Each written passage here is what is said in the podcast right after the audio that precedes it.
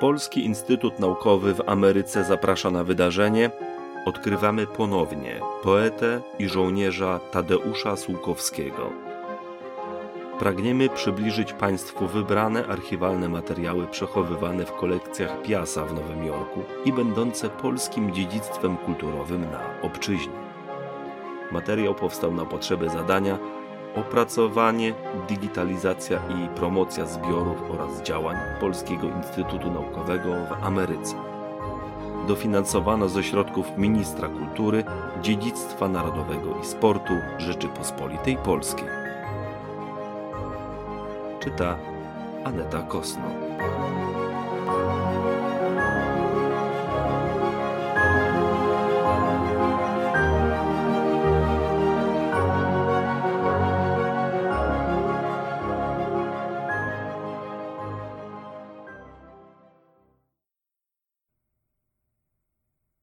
Drugi sierpnia 1947 Droga i kochana pani, z dnia na dzień wyczekiwałem listu i miałem już dzisiaj pisać, co się stało.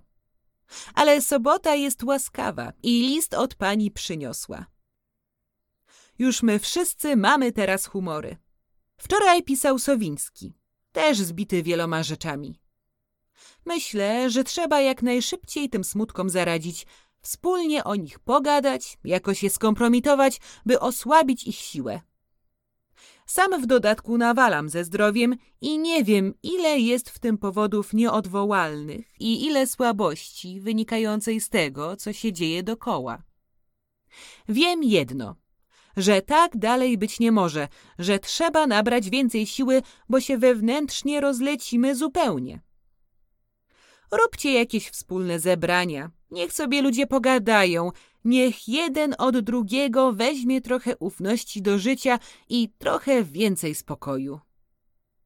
Nie zbierajcie się tylko, aby debatować nad mądrościami, ale by i wzajem sobie pomóc. O naszym kochanym rządzie, nowej odmianie Sławojszczyzny, nawet już nie chcę ani słuchać, ani pisać.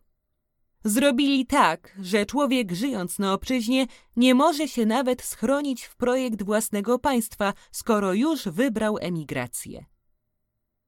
Obiecałem sobie, że nie przestąpię progu sali, w której, jak na ostatnim zjeździe, będą zasiadali te dziadki leśne.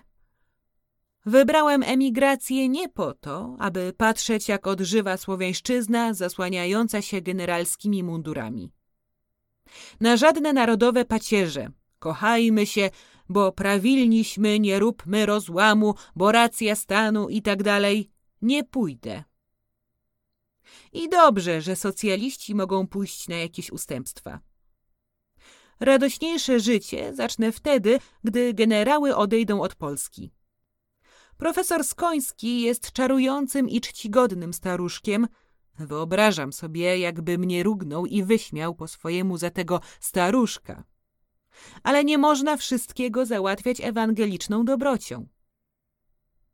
Cieszę się, że tamci przyjadą. I z Rzymu, i z Brukseli. Szczególnie Gustaw jest pożyteczny ze swoją zimną krwią. On najlepiej kompromituje moje niepokoje.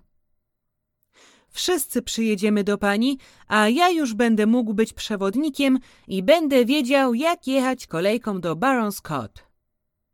Szczęśliwe nazwy tych stacyjek. Nie rozumiem, jak można mieć w Londynie złe sny. To są wszystko skutki tych zmartwień, które, jeśli się przepłoszy, to i takie sny miną. Znana psychologia troski i snów. Nie wiem, czy już pani pisałem o tym, że zgłosiłem się na żniwa do Anglików. To taki zaciąg ochotniczy, bez wynagrodzenia. Ale się trochę pobędzie poza obozem. Znowu nam zmniejszyli racje żywnościowe, wyżywienie więc teraz mamy nędzne, mimo że do kasyna dopłacamy. We wszystkich moich troskach tkwi jedna szczęśliwa planeta. To myśl, że chyba już w tym miesiącu wpadnę do Londynu. Ale będzie genialnie. Słońce się wywzięło. Jest weselej, aż muszę zapalić sobie papierosa. Kłopotów jest, proszę pani, sporo, ale nie można dawać im zbyt dużo głosu, bo się stają zarozumiałe w swojej ważności. Czasami boją się w porę i z uśmiechem zapalonego papierosa. O, już jest więcej słońca, nawet za oknem, więc proszę się nie martwić. Najserdeczniej pozdrawiam, Tadeusz. 4 sierpnia. List zaczyna przybierać formę dzienniczka, a wszystko dlatego, że wczoraj zrobiłem małą wycieczkę do Chester i nie wysłałem na czas poprzedniej kartki. W Chester zupełnie przypadkowo trafiłem na zabawę, czy jak to nazwać, co mi bardzo przypominało nasze majówki strasockie. Nad rzeką grała orkiestra Armii Zbawienia, oczywiście denta.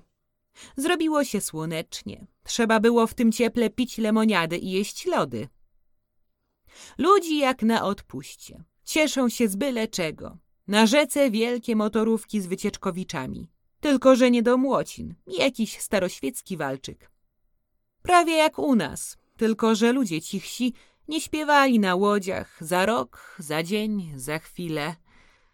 Takie wycieczki są bardzo potrzebne, bo w obozie można obrosnąć pleśnią. Później się wraca jak z lasu w Skierniewicach i naraz cała ta uciecha ginie w bramie obozowej. To jest chyba psychologia wszystkich bram obozowych. Nie wpuszczają radości. A dzisiaj znowu pochmurno. Trochę pada, tylko że chmury są niskie, ruchome i może to przejdzie. Pogoda często jest łaskawsza od ludzi i czasów. Za parę dni napiszę znowu. Do widzenia. Tadeusz.